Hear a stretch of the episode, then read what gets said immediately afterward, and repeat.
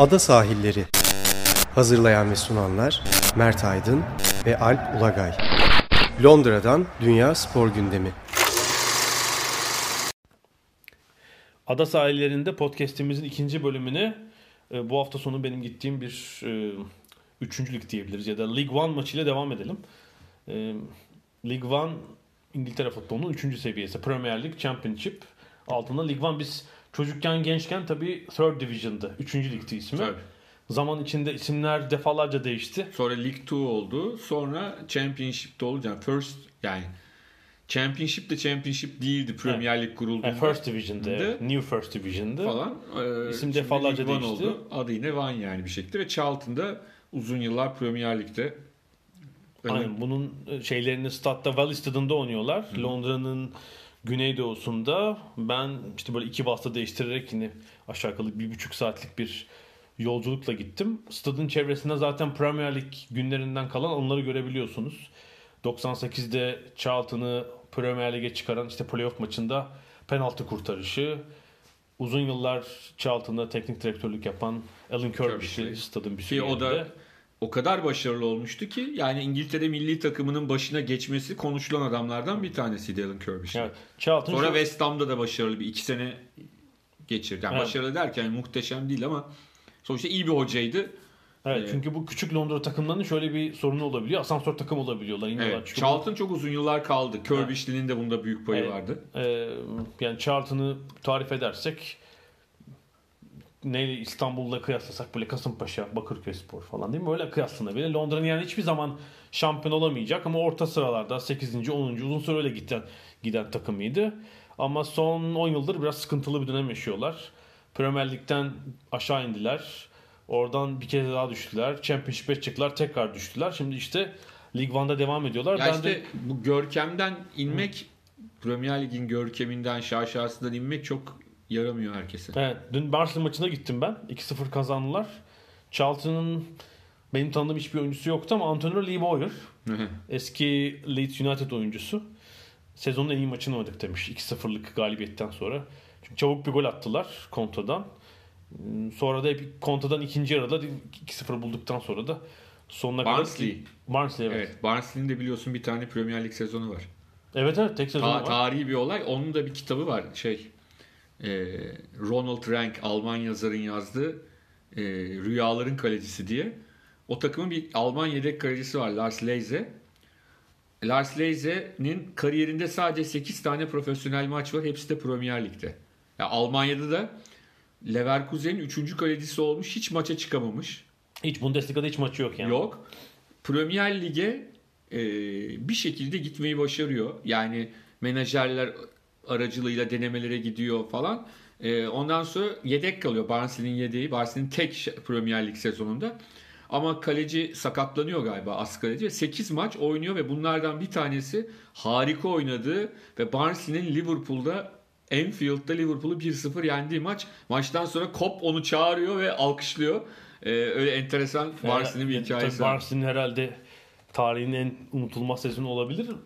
98-99 sanırım. Ha, ben de 20 sene oldu diyor. 20 Ya da ya olmuş. 97-98 ya 98-99. Normalde Lig 1'da zaten 3. sıradalar aslında. Dünkü maçın deplasmanda da olsa favorisi gibiydiler. Bu arada deplasman tribünde herhalde o tribün 4000 kişilik e, bir kale arkası tribün. Herhalde 2500 Barnsley taraftarı vardı. Bayağı da gürültü çıkardılar. Ee, şeye gelirsek 27 bin kişilik Charlton'ın stadyumu The Valley. Çok eski bir stadyum aslında. Yenilenmiş zaman içinde.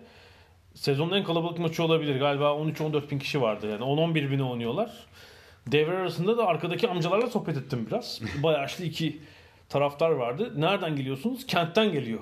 Hı hı. Ve Kent Londra'ya ne kadar uzaklıkta? Herhalde bir buçuk saat var. Benim ev sahibi kentte. Evet bir buçuk saati vardır herhalde arabayla. Meğerse çeşitli kasabalardan civardaki aynı zamanda kentten de otobüs kaldırıyormuş kulüp. Bayağı şehirler arası Büyük otobüs. başkan. Evet, şey için. e, kaldırıyor. sezonu kombinesi olan taraftarlar için. Bu arkadaki e, Terry Joyce da 82 yaşında. 15-16 senedir kombinesi var. Geliyorum. Eski Londralı tabii. Buraya taşınmış. Daha sonra işte şirketi var. Emekli olmuş Nereden falan. geliyormuş bu Charlton aşkı? Yanındaki o şeyle konuşamadım daha yaşlı 70 yıllık bir Charlton taraftarı. Herhalde yani o 70 yılın uzun bölümünde e, sezonluk kombinesi var. O çünkü bir ufak grup bunlar. Arkadakilerle sohbet ediyordu. Bir türlü sohbeti bitmedi. Arka sıradakilerle. Amcanın şikayet ettiği şey oldu. Kulüp sahibi. İki, iki dedi İngiliz sahibimiz vardı dedi. Bizi Belçikalı'ya sattılar. Ama memnun değiliz çünkü kadın takımını kapatmış. İyi oyuncularımızı sattı. Hiç memnun değiliz bu kulüp sahibinden. İşte stat dışında da zaten e, taraftar derneği da vakfı diyelim şey yapıyordu. imza topluyordu. Yani herhalde böyle bir küçük girişim de var kulübü alalım edelim diye.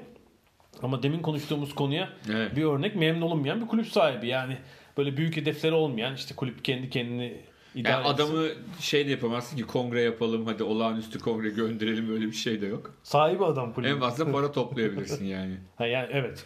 Hisse o, para- almak o için, parayı şey yapmak toplayıp biz işte trust olarak, taraftar vakfı olarak işte 10 milyon sterlin topladık, 5 milyon sterlin. Onlar da AFC Wimbledon gibi yapsınlar. AFC Charlton. Ki ıı, yıllar önce yani 30 yıl önce stadından aslında stadın kirasını veremediği için Valley'den kovulmuşlar 7-8 sezon için. Sellers Park'ta oynamış onlardan. Ee, ikinci ligdeyken kısmen de birinci ligdeyken. Ama tam bir şey cumartesi günüydü yani. Ee, saat 15'teki maç. Çoluk çocuk herkes gelmiş. Artık işte Lig 1'de oldukça, oldukları için biletler belli ki ucuz. Sezonluk biletler bile 200 pound'tu. 200 pound'dan başlıyordu. Eğlenceli bir cumartesiydi benim için de. Buradan bir şeye geçelim. 3 haftadır daha doğrusu ikinci haftası bitti.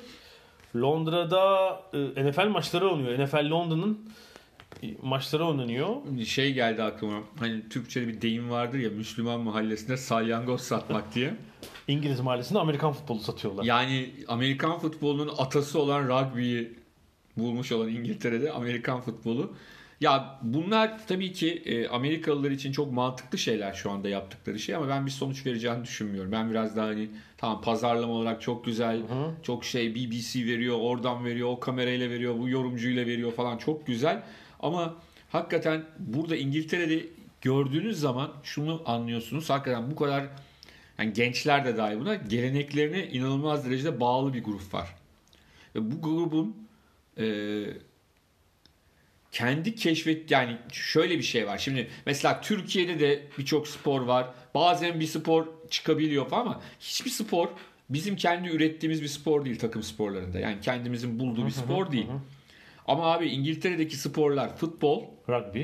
rugby, Kriket. kriket e, hepsini kendileri bulmuşlar. Kurallarını koymuş. adam. Kurallarını koymuşlar. Yani Ve bunlar derken toplumun o damarlarını işlemiş. Yani. Aynı şey Amerika için geçerli. Yani Amerika'daki sporları da Amerikalılar bulup takım sporlarını, kurallarını koymuşlar. O yüzden futbolu bizim oynadığımız futbolu bir türlü yani ne yap yani tamam MLS öyledir, böyledir, güzeldir. İşte onlar seviyor, bunlar seviyor ama hiçbir zaman Avrupa seviyesinde olma ihtimali yok. Çünkü Amerikalılarda, İngilizlerde iki tarafta kendileri bir takım sporları zaten bulmuşlar. Bunları büyütmüşler. Tabii o iki ülkenin de kültürüne işlemiş onlar. E, aynen Burada öyle. Yaşayınca E, diğer ülkeler gibi değil yani. Diğer ülkelerin hepsi sonuçta başka bir yerde çıkan bir oyunu almışlar. Yani tamam yani işte Sırbistan'da, Yunanistan'da basketbol birinci spor eyvallah. Ama yani kendi buldukları bir şey değil. Bir Amerikan sporunu almışlar. Biz işte İngilizlerin kurallarını koyduğu bir spor şu anda bizde önde. Ardında da basketbol ve voleybol gibi Amerikalıların buldukları Evet. İki sporlar var. Takım sporları için bunu söylüyorum. Diğer bireysel sporlarda her türlü gelişim, her türlü yenilik bence kabul edilebilir ama İngiltere ve Amerika'nın birbirine oyunlarını satma e, olasılıkları çok yüksek değil. Ya da şöyle diyelim İngiliz, bir İngiliz sporunun Amerika'da bir İngiliz sporu e, İngiltere'de gördüğü ilgiyi görmesi Amerika'daki bir Amerikan sporunun da İngiltere'de o ilgiyi görmesi bence mümkün değil. Evet. Tabii Ama NFL ne kadar kap- kırparlarsa, yakalarlarsa Evet. birilerini eyvallah. Şimdi NFL tabii bu Avrupa açılımı, İngiltere açılımı 10 yıldır deniyor. Sanıyorum 2008'den beri Şu bu- NBA açılımını bir Ha. e, netleştirselerdi daha iyi. Londra maçlarını oynuyorlar. Bu sezon 3 maç var. 3 maç birden var. Yani bu hafta sonu ikincisi oynandı ve e, Tennessee Titans e, Los Angeles Chargers'la oynadı. E, 20-19 bitti maç. Haftaya 3. maç var. Bu serinin son maçı var. Gelecek Haziran'da bu sefer Major League Baseball maçı oynanacak. Hatta Boston Red Sox geliyor. Ama onu bu arada Kasım ayında İngiltere'nin rugby milli maçları var. Bakalım e, Amerikan futbolu kim umursayacak? Orada rugby Evet, maçlarına takılacaklar. Bu Londra'daki 3 maç için ben de şöyle bilet fiyatlarına bir göz attım. 3 maçta kapalı gişe oynanıyor burada. 80 bin kişilik Wembley stadında. Kapalı gişe E, merak maç. ediyor insanlar. Evet tabii Bunda sadece bir- 3 maç bu. Ha yani e, onda benim itirazım yok. Evet. O ilgiyi alırlar. Evet, çünkü işte müthiş bir pazarlama stratejisi var ve Ama- zaten sembolik geliyor. Yani İngiltere'de bir Amerikan futbolu ligi kurmaya kalkarsan Yok yani şu, şey şu belli ki proje şu. Hani bir takım da İngiltere'de olsun Amerikan futbol takımlarının hatta Fulham'ı Fulham'ın sahibi Wembley'i satın almak istiyordu. Evet, Ee, Hint asıllı Amerikalı. Evet. Jacksonville takımının sahibi. Haftaya da onlar geliyorlar bu arada. Ee, NFL maçı oynamaya Londra'ya. Jacksonville'i Jaguars'a hani şeye taşıyabilir mi? Londra Jaguars böyle bir şey olabilir mi? Böyle bir ihtimal. Londra tabi Avrupa'daki spor pazarlamasının başkenti. Hani bu Evet. tip şeyleri deneyebileceğin tek yer. evet. Ee, Ama işte en muhafazakar da yer bu arada. Hani kabul edilme açısından bu tip konuları. Evet bir şeyde de mesela e, Euroleague şey için yanıp tutuşuyor. Avrupa'daki basketbol pazarı küçük ya. Yani birisi bir İngiltere'de bir takım kursa da anında Euroleague'i alsak mesela. İşte Londra'da bir takım olsa İngiltere Basketbol Ligi'nin seviyesi yerlerde sürünüyor ama hani 20 milyon sterlin yatırıp birisi bir takım kurup Euroleague maçlarını o arenada oynasa da Euroleague'in pazarını büyütsek gözün içine bakıyorlar. Tabii tabii. E, hatta öyle bir takım Türkiye ile ilgili dedikodular da var. Ya şöyle bir, şöyle bir şey yapabilirler. Hani basketbol Amerikalıların Doktor Naismith'in aslında tipik bir İngiliz olduğu 5 çayı sırasında basketbolu keşfettiği falan gibi şey olursa İngilizler bulduklarına inanırlarsa basketbolu belki iyi gösterebilirler. Yani o ilk yaptığı sepet zaten İngiltere'den gelen meyvelerin sepetiymiş falan. Doktor Naismith Kanadalı diyenler yanılıyor. Kendisi tamamen İngilizdir falan deyip. bir göçmen. Ee, sanıyorum bu hafta da böyle. Değil mi? Var mı bir şeyimiz, konumuz? Ya konu çok da e, uzatmayalım. Öyle söyleyelim konu çok. E, gelecek hafta daha farklı konularda buluşmak üzere diye. Evet, ada sahillerinden şimdilik bu kadar. Haftaya görüşmek üzere. Londra'dan merhabalar. Ben Alp Ulagay. Ben Mert Aydın. Ada sahilinde tekrar birlikteyiz.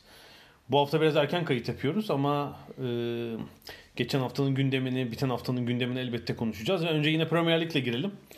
Bu hafta sonu Uluslar Ligi maçlarından sonra e, e, sıkı bir de geri dönüş vardı Premier Lig'de. Özellikle cumartesi günü e, çok önemli bir maç vardı. Bitişi de, ya maçın kendisi de bitişi de tartışmalı oldu değil Tabii mi? bir de şunu eklemek lazım. Ee, sağ olsun sevgili Okay Karacan Twitter'da yazmış.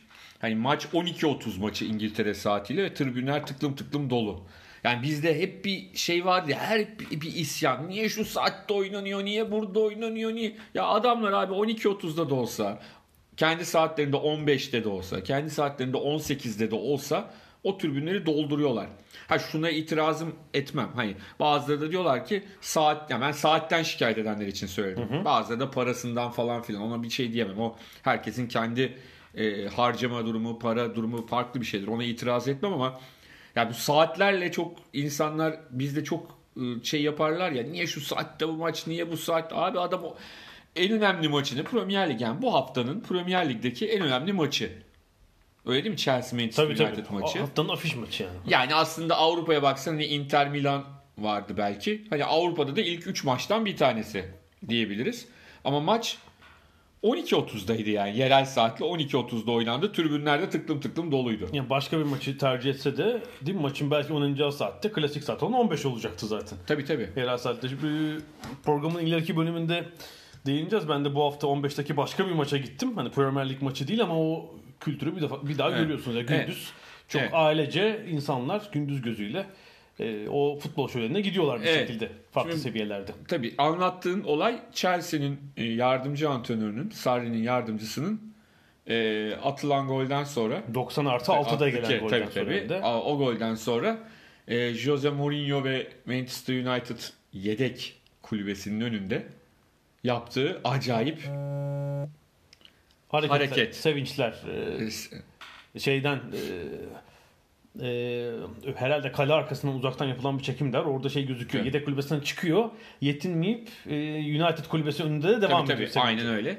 E, yani şöyle bir şey var. Hani biz Jose Mourinho'ya bazen laf ederiz ama burada yüzde yüz haklı. Yani o çok orada sinirlenmekte haklı ama orada da galiba Maurizio Sarri'nin e, olaya müdahalesi ve ardından antrenörünü özür dilemeye Jose Mourinho'ya yolla- yollaması olayın e, nasıl diyelim basın toplantılarına yansımamasını sağladı. Yani muhtemelen böyle bir şey olmasa o basın toplantısını Mourinho sadece Bunun üzerine o olay üzerine kurabilirdi. Onun yerine e, olayı anlattı, özür dilendiğini, kendisinin de unuttum bile dediğini anlattı ve e, bu iş orada bitti. Evet, maç sonu yayınca böyle bir açıklama yaptı çünkü. Tabii. İsmini bile bilmiyorum ben Antonio'nu. Bilmeme gerek yok ama hem önce Sarri sonra da kendisi Ha, her ne kadar İngilizler hemen bundan önce ne zaman ne olmuştu diye baktıklarında ilk çıkan Rui Faria'nın yaptıkları e, Mike Dean'e galiba İngiliz hakeme e, 3-4 sene önce orada da e, Mourinho'nun yardımcısı Mourinho yapmış. yardımcısı ama oradaki fotoğraflarda da görüntülerde de Mourinho Rui Faria'yı tutmaya çalışıyor. Yardımcılar sıkıntı var. sıkıntı var.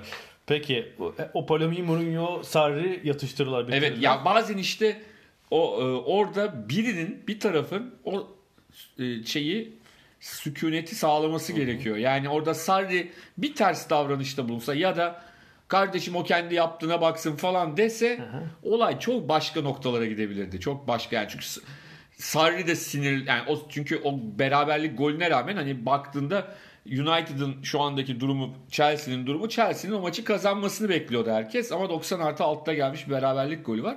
Ama aslında hani Sarri'nin geçen haftalarda Liverpool maçından sonraki açıklamaları vardı çok güzel çok eğlenceli. Hani 1-0 galibiz Öyle çok şey bir baktım Klopp gülüyor. Ben niye gülüyorsun demiş. "Ya Sen eğlenmiyor musun bu demiş. futbolu eğlen, bu futbol güzel Ve o sırada da mağlup Klopp bunu derken ve gülerken. E, Sarri de İtalya'dan sonra biraz şey oldu galiba. Yani farklı bir dünyayla karşılaştı. Yaramış ona yani öyle söyleyeyim. Çünkü onu biliyorsun acayip bir takım açıklamaları da var. Daha önce yaptı. E, ama İngiltere'nin Sarri'ye o anlamda yaradığını şu ana kadar söyleyebiliriz. E, bu da yani en polemikçi ve eski tip kalay Mourinho oluyor yani değil mi? Bu tip işleri seven Evet. böyle yani biraz oluyor. Bir de maçın kendisine bakalım. Tabii hele bu tartışma yaratan gol gelmeseydi çok bir dönüm noktası olabilirdi lig için. Hem Manchester United Evet. e, çok önemli bir rakibini deplasmandan yenmiş olup müthiş bir moral kazanacaktı. Zirveye e, iki puan daha yaklaşacaktı. İşte Chelsea'yi biraz aşağı çekmiş olacaktı. Halbuki o gelen golle olmadı aslında bu durum. United zirvedeki 3-4 takımla arasını farkı kapatma fırsatını kaçırdı. Ya bence yine de zor. Yani kazansalardı bile zordu. Nedenini söyleyeyim. Yani orada bir sıkıntı var. Anlatabildim mi? Yani bu sıkıntı sadece futbolla ilgili bir sıkıntı değil bence. Yani takımın yıldız oyuncusuyla teknik direktörün arasında problem var. Herkes bir tatsız. Tabii ki çok kaliteli oyuncular var. Ben şeye katılmıyorum. Yani bazıları da ama çok kalitesiz takım rakipleri. Öyle bir şey yok ya. Yani bahsettiğimiz adamlar Paul Pogba ya. Paul Pogba. Yani verim alınamayan oyunculardan söz edilebilir ama kalitesiz kadro denemez. Değil yani. işte onu anlatmaya çalışıyorum. Tabii ki David De Geya'sından Sanchez değil mi? Mutsuz. e, Alexis Sanchez kaç tane o yetenekli oyuncu Ama kaç var? takımda var? Mutsuz olduğu için işte menajerine haber yolluyor. Transfer olmak istiyorum diyor. İngiltere'nin en çok para kazanan oyuncusu şu anda. Değil mi? Başka ya demek ki başka sorunlar var. Evet yani şey de mesela iki golde Pogba birinin ilk golde adamını kaçırdı. İkinci Evet. de yine böyle seyrediyor o Barkley son müdahale yaparken. Ee, bir takım sorunlar var ve dediğin gibi bu böyle hani bir iki haftada hallolabilecek şeyler. Bu arada hani geçen hafta da konuşmuştuk İngiliz milli takımı meselesini. Yani bu yabancı teknik adamların e, İngiliz futbolcuları ne hale getirdiğini iyi anlamda. Yani Rose Barkley de bunun en güzel örneklerinden biri olacak galiba. Sterling'den sonraki şeyde Sarri'nin Barkley'i getirdiği nokta olacak Evet hemen herhalde. Southgate onu değerlendirmişti zaten. Evet, evet. Barkley'nin bu ilerleyişi. Yani o e, İngilizler için çok çok değerli bir şey. E tabi en üst seviyede oynuyorsunuz. Yani az oyuncu oynasa bile dünyanın en iyi oyuncularıyla antrenman yapıyorsunuz. Onlara karşı maça çıkıyorsunuz. Yani e, ilerleme yapmayan zaten kadroda Ama. Barkley de çıkıyordu da bunca yıldır bir şey Evet. olmuyordu yani hani çok şey beklenirken. O biraz doğru teknik adam, doğru yönlendirmelerle bazı şeyler olabiliyor. E, bunun yanı sıra Manchester City Burnley'i bombaladı. 5-0'la. Evet. Eski kalecileri biraz mağdur oldu bu hafta. Joe Hart herhalde 5. golden sonra direği tekmeliyordu artık. Yani Burnley için biraz garip oluyor tabii. Yani Burnley'nin mesela Manchester City herkese 5 atsın, Burnley'i 2-0 yensin normal karşılamamız gerekir ama 5 olunca tabii Bir de goller kaleciyi çaresiz bırakan gollerdi. Evet. Herhalde dördünde belki hiç yapacak hiçbir orada şey da yoktu. Sterling oynamadı. İşte Sterling'in sözleşmesini uzatmak istediği, para istediği. Bence onun onun için olduğunu düşünmüyorum onu. Ben biraz daha Şampiyonlar Ligi odaklı ya da milli takım yorgunluğu odaklı olduğunu düşünüyorum ama Evet bu bu arada çok küçük bir parantez. Bu e, UEFA Uluslar Ligen, Ligi'nden dönüşte Avrupa'daki birçok teknik direktör yıldız oyuncularını dinlendirdi. E, Paris Saint Germain'de de var. E, Thomas Tuchel şikayet etmiş hatta. O Neymar'ı yedek bıraktı bu hafta. E, Ama- yani başka milli takımlardan dönen oyuncular için de- yedek olmayan ve oynayıp 15. 20. dakikada sakatlanan Messi var. El Clasico'yu kaçıracak Messi. Messi var. Ee, Liverpool'da Jurgen Klopp aynı tepkiyi gösteriyordu. Yani kim bu maçları koydu oyuncularımızın pusasını çıkarıyorlar diye şikayet ediyorlar. City'de de belki bu yönde bir tedbir olmuş olabilir. Türkiye'de de oldu ya Galatasaray'da 3 değişiklik birden yaptı ilk kez. Dernekler Fernando pek milli takım arasından gelen oyuncu değildi ama Şeylerde de herhalde oynayanlarda da sakat var değil mi? 5-6 sakat evet var orada. yani Liverpool yendi. 1-0'lık zor bir galibiyet aldılar. Salah gol attı. 50. golünü attı Premier Lig'de. E, O da öyle bir e, şeyi aştı. Ne derler? Çizgiyi geçmiş oldu. Tottenham galip. Yani tepedekilerin hepsi e, Chelsea hariç kazanmış oldular. O oradaki şey devam ediyor. Çekişme devam ediyor. Bir, biz Arsenal'ı bu hafta e, göremeden programımızı çekiyoruz. O, onu izleyemedik. Buradan bir şey geçelim mi? Şu bir 4-5 gündür bir tartışma var hatta dünya e, siyasi gündeminin birinci maddesine de biraz paralel gidiyor. Cemal Kaşıkçı cinayeti üzerinden Suudi Arabistan Veliaht Prensi Muhammed Bin Salman ve Suudi Arabistan ya Bin Salman üzerinden ya da Suudi Arabistan'ın Manchester United'ı satın alma girişimi. Ya aslında oradan da şuna da gidebiliriz.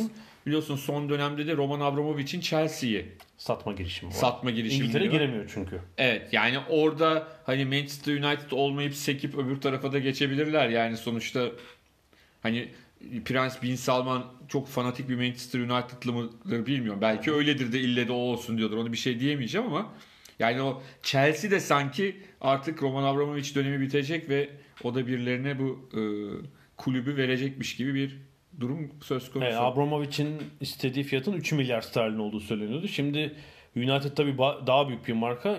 Manchester United için telaffuz edilen rakam 4 milyar sterlin. Muhammed Bin Salman 2016 yılında Suudi Arabistan'ın artık biraz daha dünya açılması projesi olarak işte Vizyon 2030 projesini yazdırıyor ve bunun içinde spor atılacak yatırımlar da var. Yani şimdi o da gelirse zaten City'de var. Hani başkaları da olsa en sonunda e, Premier Lig'in o kurulu var ya bordu. Orada Arapça konuşulmaya başlanabilir. Ee, tabii bu para nereden karşılanacak? Su, yani Suudi Arabistan kraliyet ailesinin servetinin e, 800 milyar milyar dolarıyla 1 e, trilyon dolar olduğu söyleniyor. 1 trilyon dolar yani milyar değil. Pek herhalde 4 milyar sterlin büyük bir sorun oluşturmaz. Bu mesela izin çıkar mı? Herhalde izinde bir sorun olacağını zannetmiyorum. Çünkü burada bir takım satılırken e, lig birliğinin, Premier Lig birliğinin onaylaması lazım. Evet. Yeni takım sahibini. Hatta bir de araştırılma yapıyor işte. E, kara para aklıyor mu, aklamıyor mu? Abi o araştırmayı biz ki- ev kiralarken de bize yaptılar yani. Anlatabildim onun minisini diyelim. minisini. Tabii bizim 4 milyar sterlin falan gibi durumumuz yoktu yani. Kuruşlarla. pence. Kaç pence var sizde? E, şeklindeydi. Ama yani bu İngiltere'de yaşananlar e, aslında tabii çok ilgi çekici. Yani İngiltere'de yıllardır bu sahiplik müessesesi, şirket müessesesi var.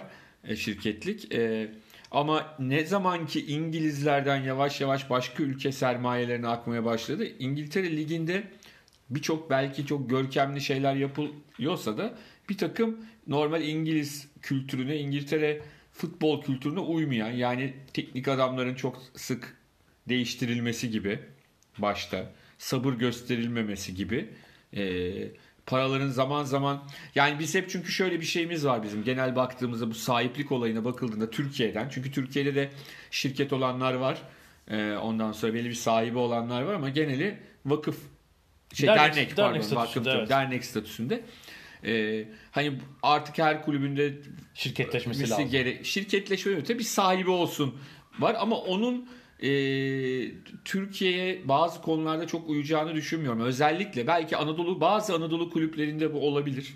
Yani çünkü orada hep çünkü bazı hepsini bütün illerde de bütün takım yani Trabzon'u falan saymıyorum. Trabzon, Bursa, Eskişehir gibi kulüpleri saymıyorum. Ama genelinde ya işte ileri gelenler bir toplanalım mantığı vardır ya kulübü kurtarmak Hı hı. için. Yani o yüzden bir sahip olması belki o kulüpler için çok mantıklı olabilir. Ama diğerleri için şöyle bir sıkıntı var. Hani mesela üç büyükler için çok konuşulur. E ne olacak abi?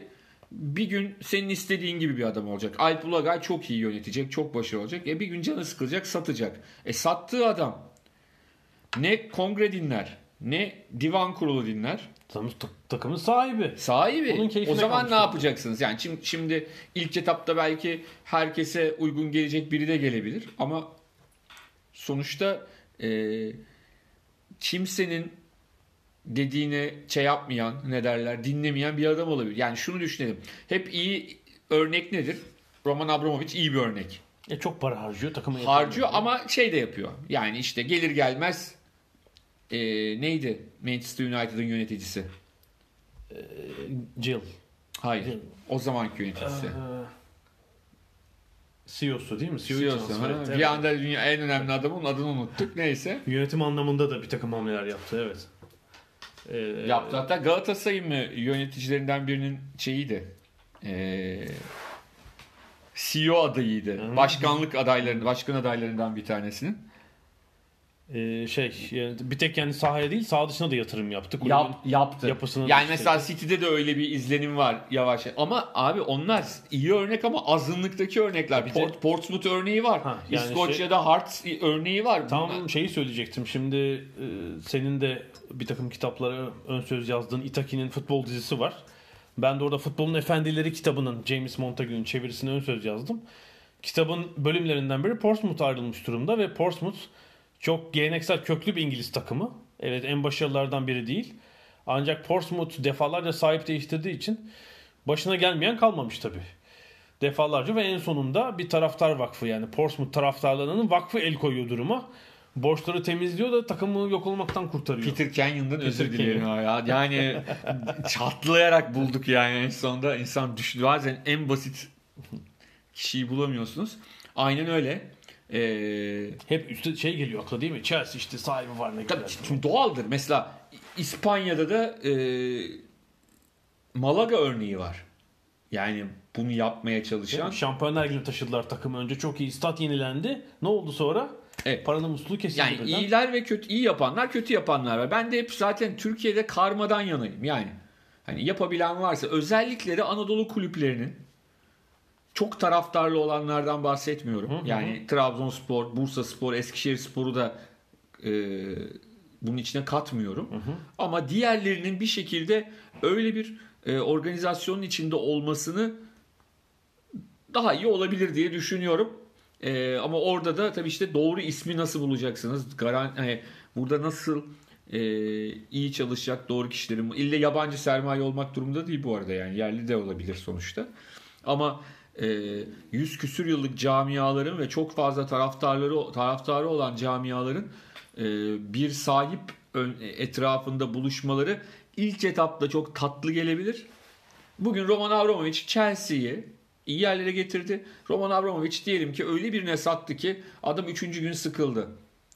O zaman bütün o emekler gidecek. Yani bir kişinin yapacaklarına bağlı her şey. E, şu şeyde de olabilir. Konuştuğumuz Muhammed Bin Salman örneği. Şimdi adam Tabii. e, iki, yani yakın korumaları bir cinayetle suçlanıyor. Değil mi? İtibarı yerle bir hatta şu var yani artık kral olması mümkün değil veliaht prens ama Suudi Arabistan kral olamayacak deniyor. Hatta bu konudaki en detaylı e, portre New Yorker'da çıktı son birkaç ay içinde. E, yani o da oraya göz atılabilir.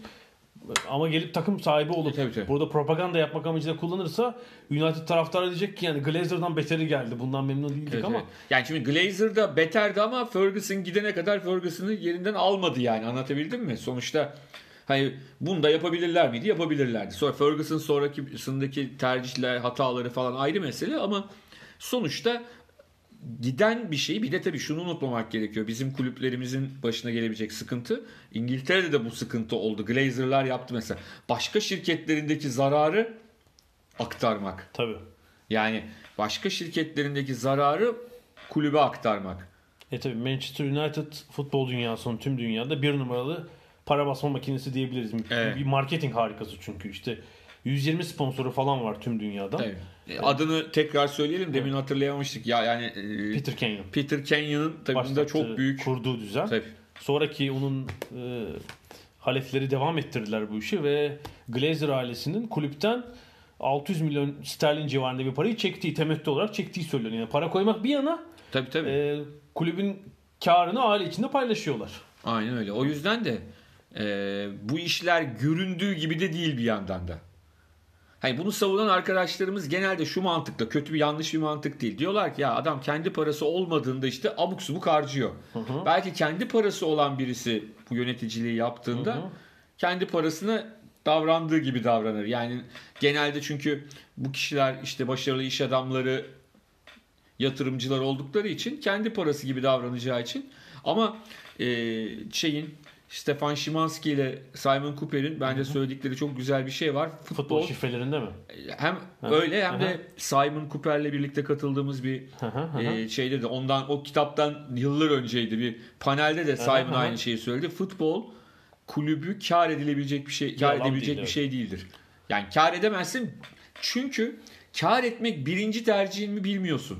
Yani şam, yani şimdi her kulübün bir hedefi vardır. Bir kulüp şampiyon olmak ister, bir kulüp Avrupa şampiyonu olmak ister, bir kulüp kümede kalmak ister, bir kulüp Avrupa kupalarına katılmak ister. Şimdi bir kulübün diyelim ki şampiyon olmak isteyen bir kulübün başarısı artı bütçeyle çıkmak mıdır? Şampiyon olmak mıdır? Avrupa mantığında tabii ki şampiyonluk çok önde. Tabii yani Avrupa işte on, Arap taraftan yani anlayışında. kar etmek derken onu kastediyorlar. Evet, yani e, iste yani birini yakalasan öbürünü yakalayamazsın. Anlatabildim mi? yani çok değişik. Türkiye'deki taraftarın da anlayışı. Şimdi kar mar zaten herkes dikkat etmez. Yani lig şampiyonu hele bir Avrupa kupası düşünebiliyor Ama musun? Türkiye'de şöyle bir durum var. Türkiye'de o kadar kötü yönetildi ki kulüpler. Gerçekten akıllı iş yapan şampiyon da olur. Yani hani anlatabildim mi? Bir süre sonra Evet, olur. tabii. Bir sene iki seneye geçer. Tabii. Üçüncü sene olur. Doğru yönetim modelini kurarsan. Beşiktaş, Beşiktaş ilk cezayı alan kulüptü. Daha erken başladı hepsinden bu yapılanmaya. Ondan sonra bunun meyvelerini nasıl transfer yapması gerektiğini öğrendi Beşiktaş.